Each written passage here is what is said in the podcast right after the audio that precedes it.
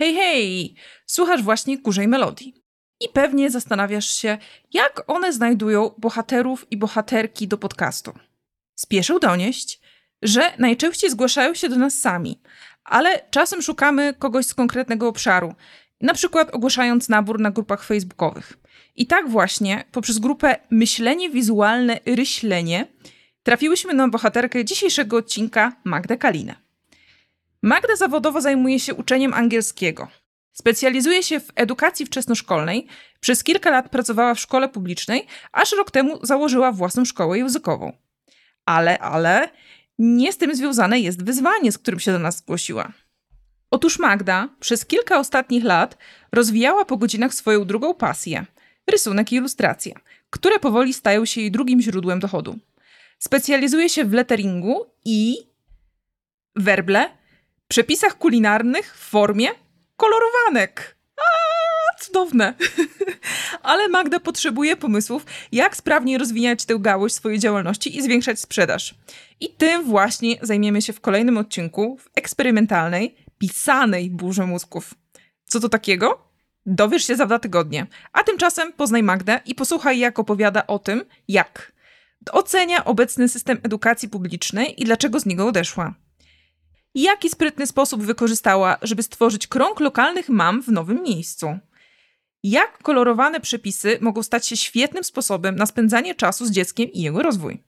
Jak nauczyć się rysować w dorosłym wieku oraz jak wielką satysfakcję może dać nauczanie? Zapraszamy! Cześć, z tej strony Marszałek i Małgorzata. A to jest podcast Kurza Melodia z kategorii podcastów poszukujących. Masz jakiś problem? Napisz do nas. A my znajdziemy rozwiązanie. Zaczerpnij inspiracji z naszej krynicy niewiedzy.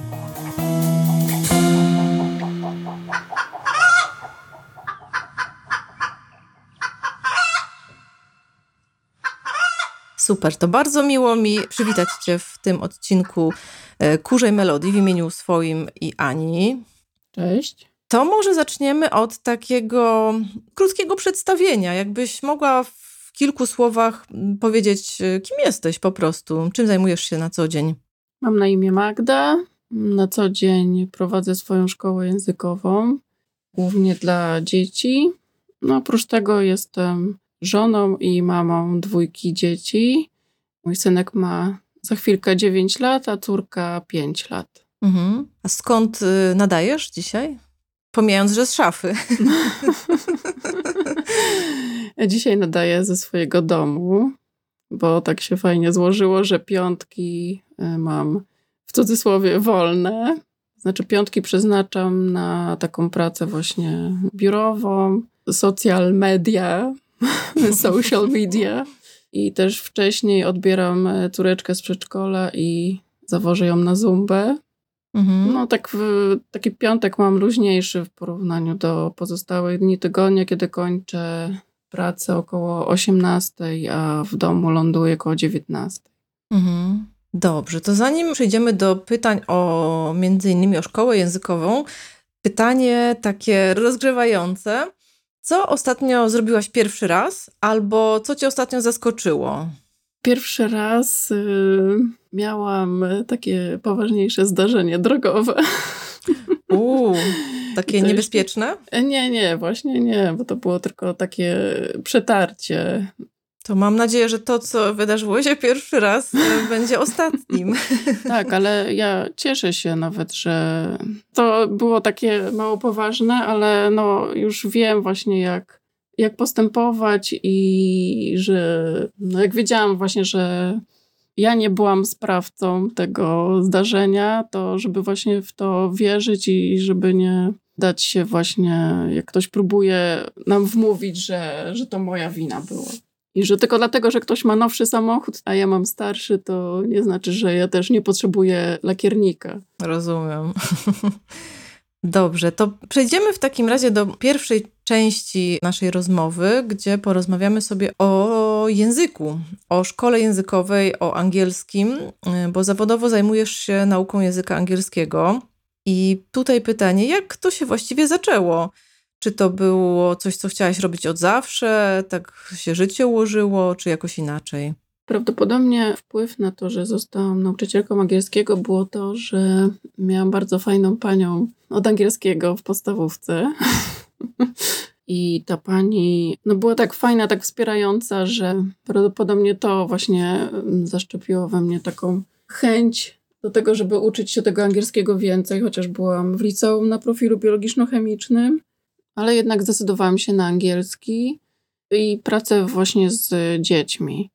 Później byłam na studiach, ukończyłam studia i pracowałam przez 7-8 y, lat w szkole podstawowej. Uczyłam te najmłodsze dzieci w klasach 1-3 i też dodatkowo w różnych szkołach językowych. Zatrzymałabym się na razie tutaj, też skoczymy chronologicznie za chwilę, bo no, dosyć długo byłaś w szkole. E, tak. w szkole publicznej mam tutaj na myśli ten rodzaj szkoły i wiemy, że już tam nie jesteś, e, tak uprzedzając to, co się wydarzy. Jak z perspektywy czasu patrzysz na to swoje doświadczenie pracy w szkole? Co było najlepsze, co było najtrudniejsze? Najtrudniejszy był właśnie ten czas, kiedy pracowałam w szkole, plus pracowałam jeszcze gdzieś dodatkowo, kiedy miałam e, zajęcia prywatne. No ale te zajęcia prywatne to były tak w porównaniu do prowadzenia zajęć w klasie takiej no, dosyć licznej, to był tak jak no, odpoczynek. Całkiem inna praca niż, niż w szkole, gdzie jest, no powiem wprost, gdzie klasy są za duże, zbyt liczne, żeby ta nauka była efektywna. Czy no najlepsze było to, że lekcje się często kończą jakoś tak właśnie około godzin południowych, popołudniowych.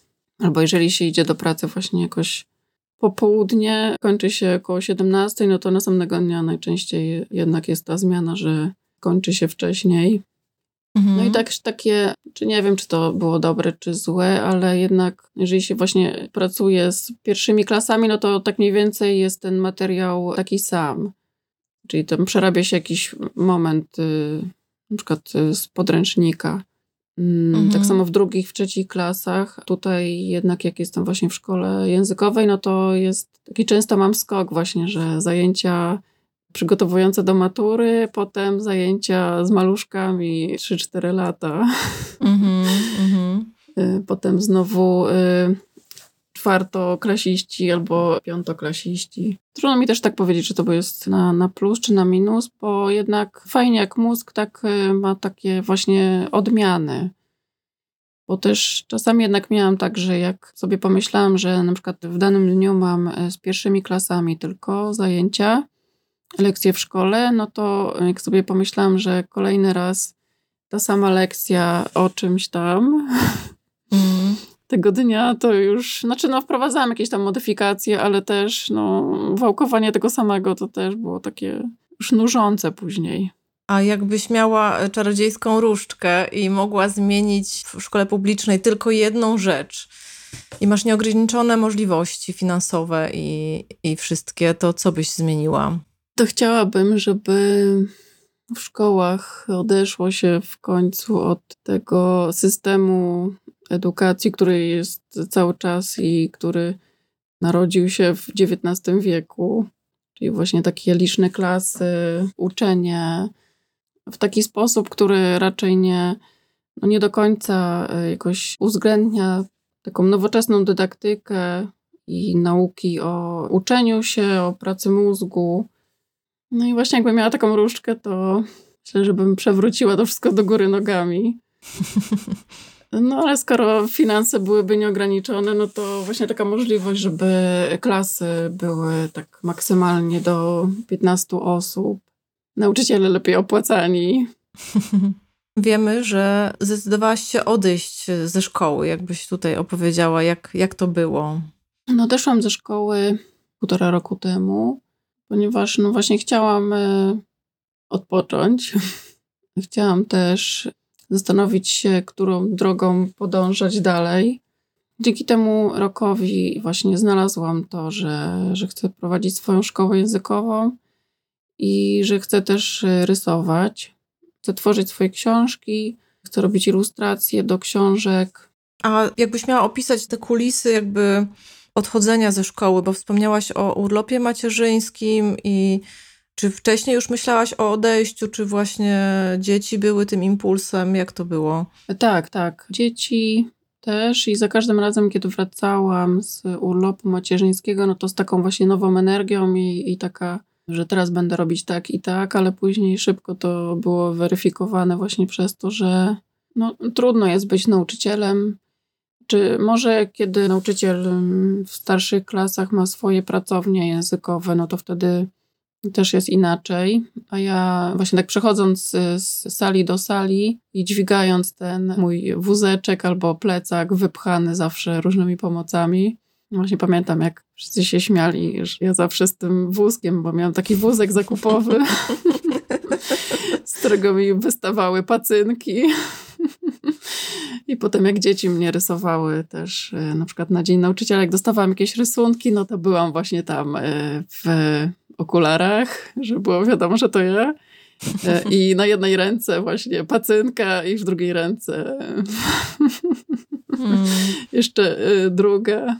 No i tak doszłam do wniosku, że no, raczej nigdy się nie doczekam swojej pracowni językowej, swojego takiego miejsca właśnie, gdzie mogłabym ustawić ławki tak, jakbym chciała, właśnie tak, żeby na przykład dzieci pracowały w grupach, żeby robić jakieś takie fajne stacje, że przy jednej na przykład układają puzzle, przy drugiej robią jakieś właśnie, jakiś taki fajny sposób wypełnianie luk. No i też, żebym miała tam jakieś właśnie szafy, szafki, gdzie mogłabym to wszystko składować. No i tak doszłam do wniosku, że no nigdy się tego nie doczekam.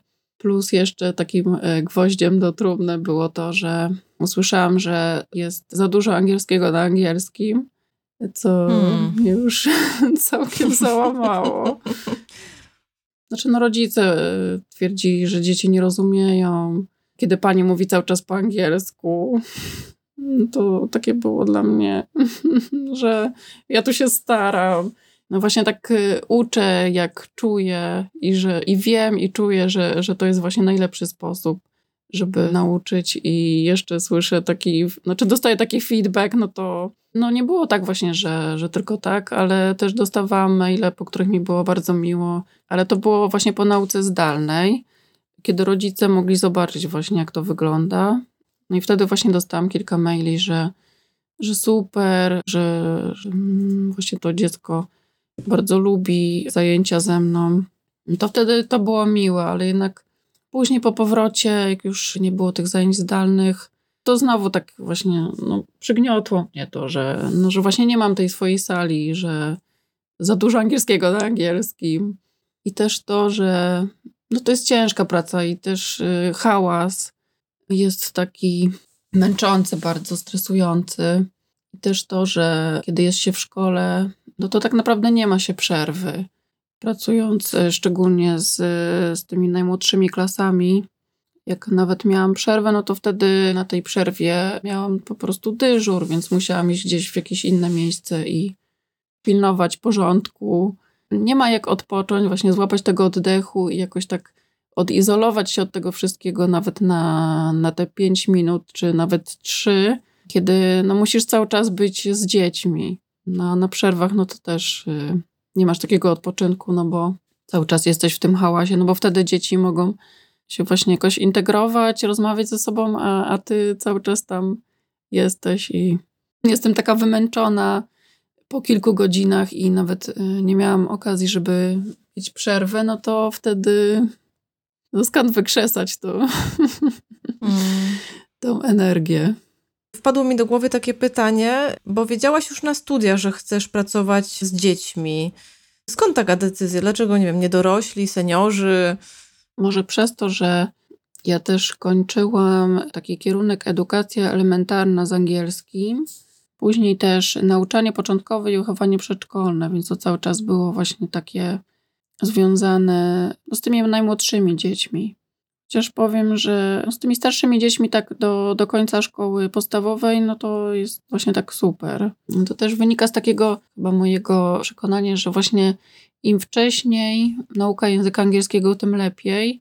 I właśnie dla mnie to jest najfajniejsze to, jak te najmłodsze dzieci, jak one właśnie łapią, jak po, no już po jednych zajęciach, albo już nawet w trakcie tych pierwszych zajęć, jak widać po nich właśnie, jak one swoimi słodkimi głosikami powtarzają te angielskie wyrażenia, bo nie słówka, bo ja właśnie nie, nie, nie, jak najbardziej nie chcę uczyć dzieci pojedynczych słówek, tylko od razu zaczynamy z grubej rury, czyli całe wyrażenia, mówimy co robimy.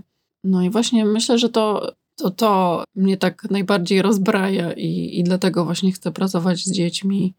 Fajne, nie pomyślałam o tym w ten sposób, ale to musi dawać dużo satysfakcji też takiej nauczycielskiej. Tak, tak, dokładnie, ale też ostatnio właśnie to, co mnie wzruszyło i, i, dzieci nawet mówiły, że rzeczywiście ma pani łzy w oczach. Ale mm. właśnie po, po zajęciach, kiedy tak e, właśnie stwierdziłam, że no dobra, to teraz zrobimy tak, że wy będziecie pytać siebie nawzajem. I te zajęcia tak super wyszły i widziałam po tym e, pół roku właśnie, bo to było zajęcia z trzecią klasą, ile oni się nauczyli. I właśnie na koniec im mówię, że jestem wzruszona, bo widzę ile, no i nawet teraz już mi się łzy pchają. Mm. ile się nauczyliście i że wy mówicie całymi zdaniami i mówicie she likes i mówicie to sy. I że zadajecie pytania i że wiecie, kiedy was pytam, where are you from, to co, co odpowiedzieć. A potem jak pytam was, what's the weather like, to też wiecie, co powiedzieć. No naprawdę, no, to jest wspaniałe. Przejdźmy może do pytania o tą szkołę językową, bo odeszłaś ze szkoły publicznej i zdecydowałaś się stać się przedsiębiorczynią, można też tak to określić. Jak przebiegał proces planowania, proces decyzyjny? Jakie były początki? To już od kilku lat y, obserwowałam taką Natalię, jej szkołę językową i ten jej sposób y, nauczania, ta jej metoda jest taka właśnie bardzo bliska mojej i w zeszłym roku, dokładnie w zeszłym roku, wybrałam się na szkolenie z tej metody właśnie, którą ona prowadzi, swoją szkołę językową i zajęcia u niej w szkole językowej są prowadzone. I, I, właśnie w mojej szkole prowadzę zajęcia tą metodą, plus jeszcze dodaję swoje gry i korzystam z tego doświadczenia swojego metodycznego.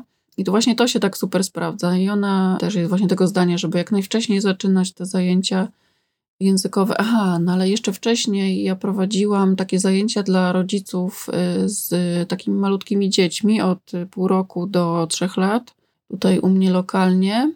I to były takie sprytne zajęcia, trochę bo ja je prowadziłam też z myślą o mnie, bo przeprowadziliśmy się pod y, Poznań, takiej małej miejscowości. Chciałam też poznać jakichś rodziców, szczególnie mamy, y, mhm. żeby takie sobie zrobić też krok wsparcia.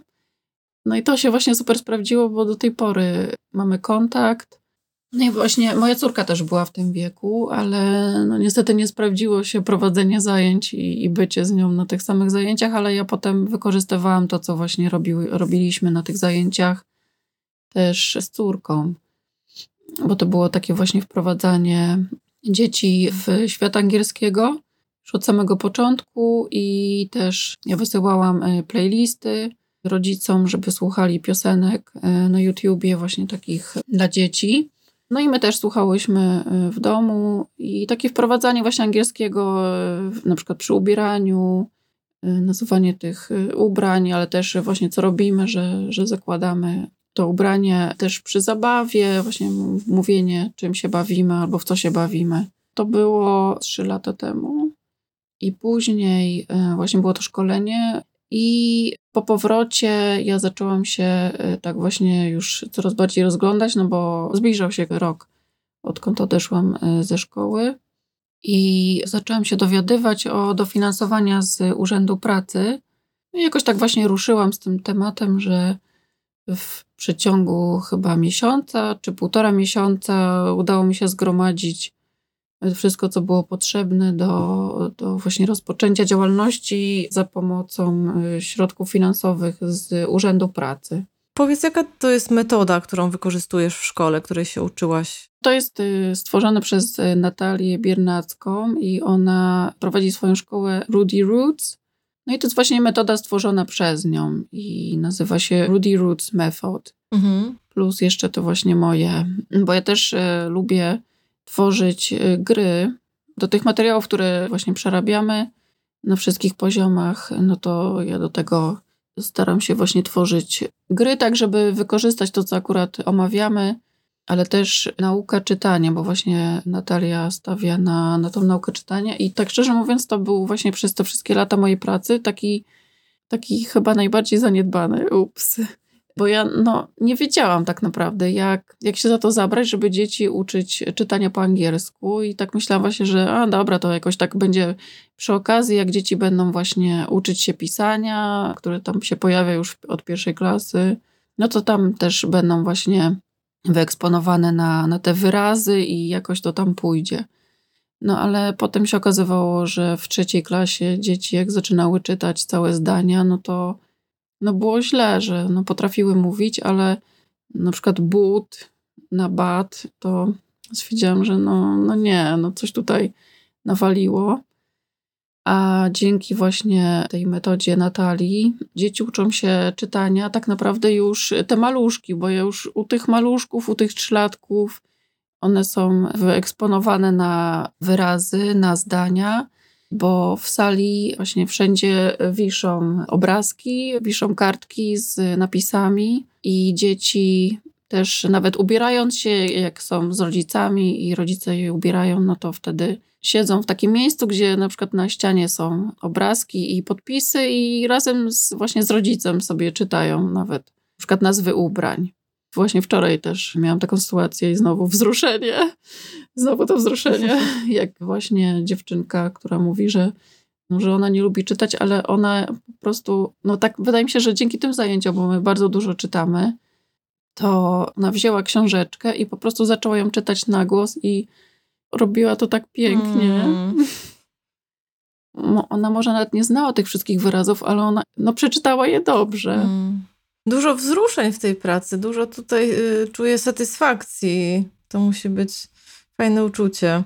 Tak, tak. Mm, wspominałaś też przy naszej takiej pierwszej rozmowie, że interesujesz się edukacją alternatywną, takimi powiedzmy innymi formami nauczania, jeśli dobrze to określam. Wiem, że twoje dzieci chodziły na przykład do leśnego przedszkola. Czym według ciebie, tak w skrócie, różni się alternatywne podejście od y, tradycyjnego? Myślę, że takie podążanie bardziej za dzieckiem, a nie narzucony program, który dziecko musi zrealizować. Czyli na przykład, jeżeli w pierwszej klasie dziecko jeszcze płynnie nie czyta, no to nic się nie dzieje, no bo jeszcze ma czas. Takie bardziej uwzględnianie w edukacji alternatywnej tego okienka, kiedy dziecko właśnie ma ten czas, żeby zacząć czytać, żeby się zacząć interesować jakimś obszarem. W edukacji alternatywnej jest to bardziej uwzględniane niż w tradycyjnej, gdzie właśnie dlaczego on jeszcze nie czytał, przecież jest w pierwszej klasie, to już powinien umieć czytać, bo ktoś inny już czytał w tym wieku. Super, to przejdziemy teraz do tego drugiego bardzo ważnego obszaru Twojego życia, też zawodowego mm, od niedawna, czyli od rysowania. Bo jesteś ilustratorką, rysowniczką. Chyba mogę zaryzykować stwierdzenie, że jesteś samoukiem. Tak, I tutaj się. chciałabym sięgnąć do głębin Twojej pamięci. Czy przypominasz sobie swój pierwszy rysunek albo jakiś pierwszy, o którym chciałabyś e, tutaj dzisiaj powiedzieć? Taki z dzieciństwa. Ja pamiętam, że już y, w przedszkolu na pewno rysowałam. Dokładnie nie pamiętam, ale wiem, że dzieci często prosiły mnie, żebym coś narysowała dla nich. Czy no, widzę właśnie w przedszkolu, że jakiś taki rysunek, ale też później w szkole e, na świetlicy, kiedy był ten taki czas wolny, to wtedy właśnie dzieci często mnie prosiły, żebym coś narysowała, ale ja pamiętam, że mówiłam, że dobra, narysuję, ale tylko ołówkiem, bo nie lubię kolorować. I tylko właśnie rysowałam jakieś, e, no tak jak kolorowanki, czyli już to A, chyba wtedy się zaczęło. Kurczę, nic się nie dzieje bez przyczyny. Hmm. Że lubiłam właśnie taki tylko kontur i też na przykład komiksy, jakieś farby, czy, czy też kredki, chociaż kredki miałam super, takie właśnie pamiętam, tata mi przywiózł z sklepu bezcłowego. A to były lata dziewięćdziesiąte. Miałam takie super kredki, wykręcane, hmm.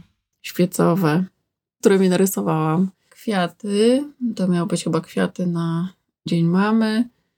i pani zrobiła właśnie konkurs, który rysunek podobał wam się najbardziej, znaczy zapytała dzieci w klasie, ale te rysunki miały być niepodpisane i nie miało nie być wiadomo, który jest kogo rysunek i dzieci wybrały mój rysunek, bo to były takie fantazyjne kwiaty, znaczy no raczej nie, ma, nie mające wiele wspólnego z tym, jak naprawdę wyglądają kwiaty. I wymyślone przeze mnie, a dzieci wybrały właśnie mój rysunek, a pani wybrała jakiś inny, który przedstawiał właśnie kwiaty tak, jak wyglądają naprawdę. I właśnie powiedziała, że ten rysunek jest według niej lepszy, bo, bo przedstawia prawdziwe kwiaty. Hmm.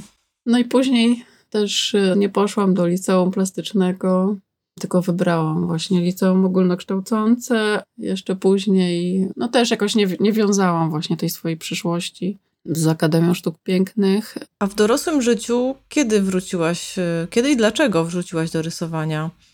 Wróciłam do rysowania dzięki koleżance z pracy, która właśnie gdzieś na Instagramie chyba albo na Facebooku wrzuciła właśnie dzięki wyzwaniom, bo to było jakieś takie wyzwanie, narysuj coś i, i, i zrób napis, bo ja też zawsze lubiłam właśnie tworzyć jakieś takie litery, taką swoją jakby czcionkę. No i też zaczęłam właśnie, założyłam sobie wtedy Instagram i zaczęłam właśnie rysować. To były chyba kaktusy, później jakiś, każdego dnia jakiś inny, inny rysunek i, i do tego podpis. I to było jakoś tak na przełomie 2018-2019, kiedy córka miała roczek. I wtedy, no to jakoś tak właśnie postanowiłam wrócić do tego, bo tak może przez to, że tak czułam właśnie, że dzieci już um, odchowane bardziej i teraz czas właśnie znowu mhm wrócić do czegoś takiego, co pozwoli mi odpocząć. Teraz czas na mnie, żeby odgrzebać jakieś takie swoje pasje, to co sprawiało mi przyjemność. Jak się uczyłaś rysowania? Poszłaś na jakiś kurs? Wiemy o tych wyzwaniach. Co, co jeszcze tam się pojawiło na początku? Też y, dzięki takiej Marioli, która prowadzi bloga i ma swoje kursy, blog Mar Art, no to był lettering, bo wydaje mi się, że to moja koleżanka Sylwia, ona też, y, też właśnie się interesowała tym letteringiem i ja też w to weszłam, bo to jest bardzo odprężające i tak właśnie jak ostatnio, jak sobie myślałam, co mnie najbardziej odpręża w, w, podczas rysowania, to jest właśnie ten lettering, to rysowanie takie ozdobne mm, liter. I właśnie od tej Marioli bardzo dużo się nauczyłam, dzięki jej e-bookowi i jej e, wskazówkom. Właśnie też na Instagramie, no i dzięki filmikom na Instagramie, takie właśnie obserwowałam, jak osoby, które letteringują, jak układają rękę, jak właśnie trzeba, gdzie trzeba docisnąć e, tego brushpena, a gdzie właśnie podnieść w górę. No i filmiki też na YouTubie, a później, ale to już tak może z rok temu, na kursy też na domestice, bo później dopiero przyszedł czas mhm. na tablet i rysowanie właśnie na tablecie, bo tablet mam od chyba trzech lat, a wcześniej no to tylko właśnie tak tradycyjnie, czyli farby, pisaki. No właśnie, bo tutaj jakby zmierzamy w pewnym sensie do, do tego, dlaczego właściwie tutaj jesteś, bo zgłosiłaś się do nas z takim wyzwaniem, problemem, że tworzysz kolorowanki i chciałabyś, żeby się e, ich sprzedawało więcej niż teraz. E, także pytanie, skąd e, faktycznie się pojawiły i czy jakby kolorujesz z dziećmi? Trochę wiemy, że już w dzieciństwie była zapowiedź, ale jak to jest teraz? Skąd to się wzięło? Tak jak mówiłam o tym, gdy byłam w domu z dziećmi, bardzo dużo wtedy przygotowywałam właśnie dla nich różnych, czy no wiadomo, obiady ale też starałam się znaleźć jakieś takie przekąski i, i smakołyki, i słodkości, które byłyby właśnie bez mleka. I przez to trafiłam na blog Agama Smaka. Właśnie też dzięki Marioli, bo ona mieszka w Niemczech i tam jest to chyba jeszcze bardziej popularne, właśnie ten lettering. I też tworzenie przepisów, właśnie takich letteringowych, takich, które się mieszczą na jednej stronie. I właśnie jest obrazek i podpis. Ja zrobiłam sobie też tak trochę dla siebie przepis na e, ciasteczka według pomysłu Agnieszki i wstawiłam go na, na Instagramie i oznaczyłam Agnieszkę, no właśnie przez to mnie znalazła. bo to był przepis na ciasteczka. Znaczy ja do tej pory korzystam. Odpalam sobie Instagram, bo tak jest mi najszybciej. I patrzę właśnie, jak te ciasteczka się robi. I ona właśnie wtedy wpadła na pomysł, że, że można by zrobić kolorowankę mm, z jej przepisami. No ja właśnie wtedy podjęłam się, żeby zilustrować w ten sposób 30 przepisów, które są teraz wydane jako e-book i dostępne u Agnieszki w sklepie. No i chciałabym, żeby te przepisy dotarły do jeszcze większej ilości osób. Jak używać takiej książeczki? Czy najpierw czyta się z dzieckiem, koloruje i potem gotuje, czy najpierw gotuje? Jak to działa? Czy myślę, że najlepiej to jest porozmawiać z dzieckiem, na co by miało ochotę i co można by przygotować właśnie na, na obiad, czy na jakąś przekąskę, albo na śniadanie, albo na jaką pastę miałoby ochotę. I potem można przejrzeć szafki razem, albo wybrać się razem na zakupy i w czasie tych zakupów też. Znaczy, że dziecko samo sporządza listę zakupów, co musimy kupić w sklepie, żeby, żeby wykonać właśnie ten przepis. A czyli najpierw przepis jest wybierany z książeczki? Tak, czy... tak. Mhm. Okay. Myślę, że właśnie według mnie no, najlepiej jest właśnie uwzględnić dziecko, żeby ono wybrało na co ma ochotę, albo czego miałoby ochotę spróbować do, właśnie do, do jedzenia. I wtedy możemy pokolorować przed robieniem tego dania albo w trakcie. Chociaż najlepiej jest, jeżeli już ten na przykład przepis jest pokolorowany, i wtedy po kolei dziecko, jeżeli umie czytać, no to odczytuje właśnie, co powinniśmy zrobić następnie. Albo patrzeć po prostu na obrazki, że a tutaj jest ręka, która na przykład wciska daktyle w ciasto. Mhm. I dzięki temu właśnie dziecko wie, że w tym momencie coś takiego nastąpi. Kiedy wykonywałam te rysunki, to mój synek na przykład też robił. Mhm. I to też może tak właśnie zadziałać, że taka inspiracja dla dzieci, żeby właśnie stworzyć swoje przepisy, że można też spędzić czas właśnie z dzieckiem w ten sposób, że okej, okay, no to zróbmy teraz podobne rysunki, ale twojego ulubionego dania, to czyli tam na przykład galaretki z owocami, że co musimy zrobić najpierw. No i właśnie dziecko rysuje tam miseczkę albo jakiś czajnik, że trzeba zagrzać wodę. No bo właśnie mój synek tak robił, że on widział, że ja rysuję, no to on też brał mm. kartkę i rysował swój przepis. Moja córka znowu e, właśnie lubi ze mną kolorować i jak mamy coś zrobić, no to właśnie wtedy ona koloruje ten przepis i, i potem razem gotujemy, chociaż e, tak szczerze mówiąc to częściej z mężem gotują, bo mąż też częściej gotuje i, mm. i on lubi. tak jak y, rozmawiałyśmy z Anią o, o, właśnie o tym wyzwaniu, z którym się zgłosiłaś, to miałyśmy taką myśl, że nie sprzedajesz tak naprawdę kolorowanki, tylko sprzedajesz pomysł na aktywność dla dzieci i rodziców. I tutaj takie pytanie w związku z tym, czy młodzi rodzice to jest dla nich duże wyzwanie szukać właśnie takich ciekawych aktywności dla dzieci, czy jest tego za dużo, za mało? Jak, jak to wygląda z Twojej perspektywy? Wydaje mi się, że teraz jest dosyć dużo. Tak jak pamiętam te 9 lat temu, kiedy synek był mały, to tak naprawdę to wtedy dopiero Facebook też się rozwijał, ale no ja do tej pory lubię też obserwować. Też ze względu na pracę, jakieś takie strony, na Toddler Approved, gdzie są pomysły właśnie na spędzanie czasu z dziećmi, ale ja też, jak dzieci są chore, albo jak są jakieś wakacje, albo przerwy, no to wtedy działamy jakoś tak artystycznie i wydaje mi się, że chociaż no, z drugiej strony trzeba coś lubić właśnie, żeby z dzieckiem to robić.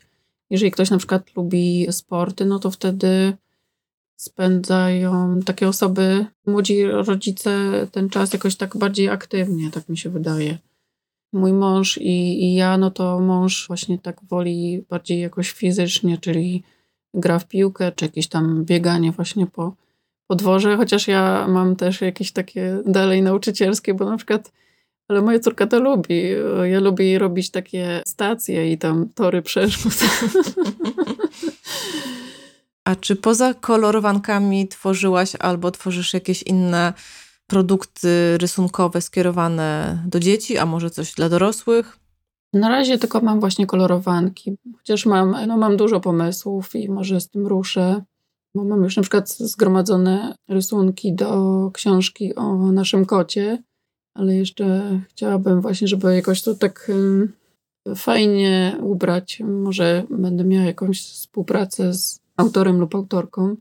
Nie, no właśnie raczej chyba tylko dla, dla dzieci. A te kolorowanki, one mają, bo tu mamy motyw gotowania, jest, jest kot, czy one mają też jakieś inne obszary tematyczne i czy też mają taki ten walor aktywności, że kolorowanka nie jest tylko rysowaniem, tylko też na przykład dodatkowym działaniem, obserwacją? No tak, zapomniałam, bo mam też dwie książeczki, takie po angielsku, z różnymi aktywnościami: labirynty, sudoku, matematyczne zadania, pokoloruj według numeru, ale najpierw trzeba właśnie zrobić działania matematyczne. Tak, zapomniałam o tym, jejku. Tyle pracy włożyłam w przygotowanie tych e, książeczek.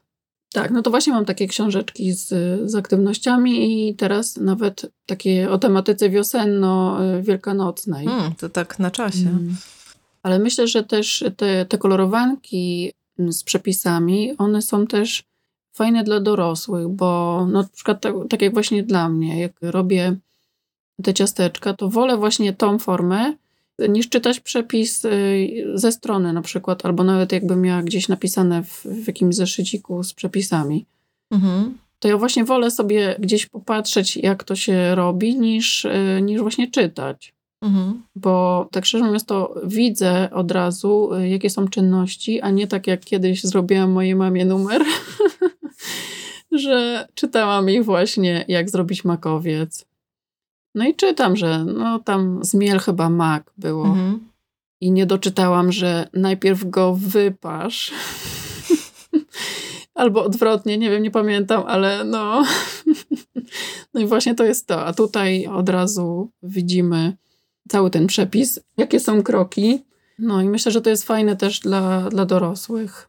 I tutaj są przepisy właśnie wegańskie, też bez glutenu, więc e, jeżeli ktoś jest właśnie na, na, też na diecie, na przykład bez jaj, bez mleka albo bezglutenowej, no to też tutaj jak najbardziej znajdzie fajne przepisy. Gdzie sprzedajesz swoje kolorowanki? Gdzie znajdujesz klientów?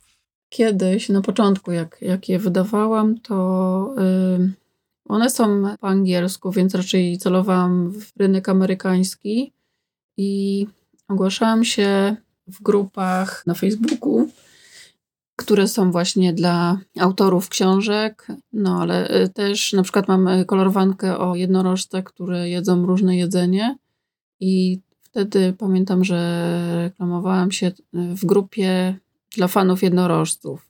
No ale no, kiepski był ruch. Nie wiem, trudno jest mi właśnie dotrzeć mhm. z, tymi, z tymi moimi produktami. Też fajnie by było, bo one są po angielsku, no ale no, dużo osób i dużo dzieci uczy się angielskiego i że to też jest fajne i takie też uzupełnienie i że w domu można coś porobić. Albo na przykład tak jak teraz święta się zbliżają, będzie czas wolny. No i właśnie, że w ten sposób można spędzić czas z dzieckiem, rozwiązując na przykład te zadania. Tylko no właśnie, jak, jak dotrzeć? No bo też y, grupy na Facebooku często mają takie ograniczenia, że no nie można się reklamować. Mhm. Że takie właśnie reklamowanie swoich produktów jest zakazane raczej. Podawanie linków. A chciałabyś, żeby twoimi klientami byli głównie na przykład Polacy, czy cały świat? Wszyscy. Everyone. Okej, okay, czyli jakby angielski jest wiodącym językiem, który w Polsce może funkcjonować też w formie jakby uczenia się języka, a za granicą może być po prostu fajną kolorowanką dla anglojęzycznego dziecka. Tak, dokładnie. Mhm. A jakbyś miała określić, czym różnisz się od podobnych twórców? Co cię wyróżnia? Te wszystkie moje rysunki, które są w książeczkach z aktywnościami i w kolorowankach, no i też y, w tej książce z przepisami, to są wszystko moje autorskie prace, takie, które są wymyślone przeze mnie i nie bazuje na żadnych y, wzorach. Czyli powoli, powoli zbliżamy się do końca i mam w sumie ostatnie dwa pytania. Pierwsze to jest o marzenie. Jakie jest Twoje aktualnie największe marzenie? Chciałabym, żeby moje książki trafiły do każdego domu. Mm. Czy chciałabym właśnie, żeby jeszcze więcej osób mogło kolorować moje rysunki. Chciałabym też bardzo, żeby no, moja szkoła się rozwijała, żeby jeszcze więcej dzieci miało taką właśnie możliwość, żeby uczyć się u mnie.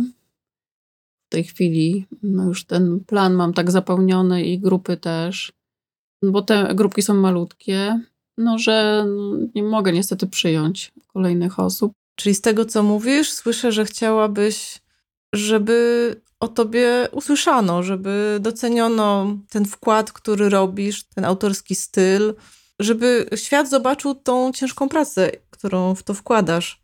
Tak, tak, tak, tak, tak słyszę to, co mówisz. Tak, dokładnie. Mhm. A jeśli ktoś z naszych słuchaczy lub słuchaczek chciałby kupić Twoją kolorowankę, to gdzie Cię znajdzie?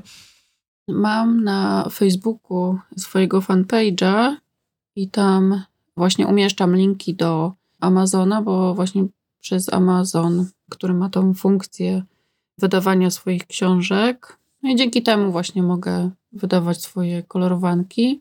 No to właśnie zapraszam na magdakalina.ilustracje na Facebooku, a kolorowanka z przepisami jest dostępna u Agnieszki agamasmaka.pl w sklepie.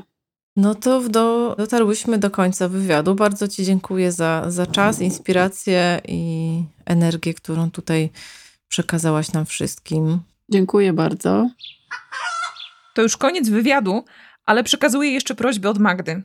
Z wrażenia, że to już koniec nagrania, nie zdążyła dopowiedzieć kilku słów, więc przysłała nam je później. Cytuję. Dzięki za świetne doświadczenie i możliwość bycia bohaterką waszego odcinka. To był mój debiut podcasterski. Jestem bardzo ciekawa waszych pomysłów. Koniec cytatu. Magdę uznajdziecie w sieci m.in. na Facebooku Magda Kalina Ilustracje albo na Instagramie Magda Kalina Illustration. Zapraszamy oczywiście do słuchania Burzy Mózgów za dwa tygodnie, ale jeszcze jedna ważna informacja na koniec. We wszystkich podcastach na pewno słyszysz jeden powtarzający się element, czyli prośbę o subskrypcję, pięć gwiazdek, kciuk w górę czy recenzję w aplikacji, w której go słuchasz. A wszystko po to, żeby pomóc w dotarciu do nowych osób, bo jak wiadomo, algorytmy nie są zbyt łaskawe. Jednak postanowiłyśmy tego nie robić, bo nasi słuchacze to wspaniałe osoby, takie jak ty. I wierzymy, że już nas followujesz i polecasz znajomym, bo zwyczajnie lubisz nasz podcast i chcesz dzielić się ze światem tym nietypowym znaleziskiem. Koniec. Jeśli chcesz, żebyśmy zajęły się Twoim problemem, napisz do nas list na adres problemy małpa kurzamelodia.com. Im więcej powiesz nam o sobie i swoim problemie, tym lepsze pomysły przyjdą nam do głowy.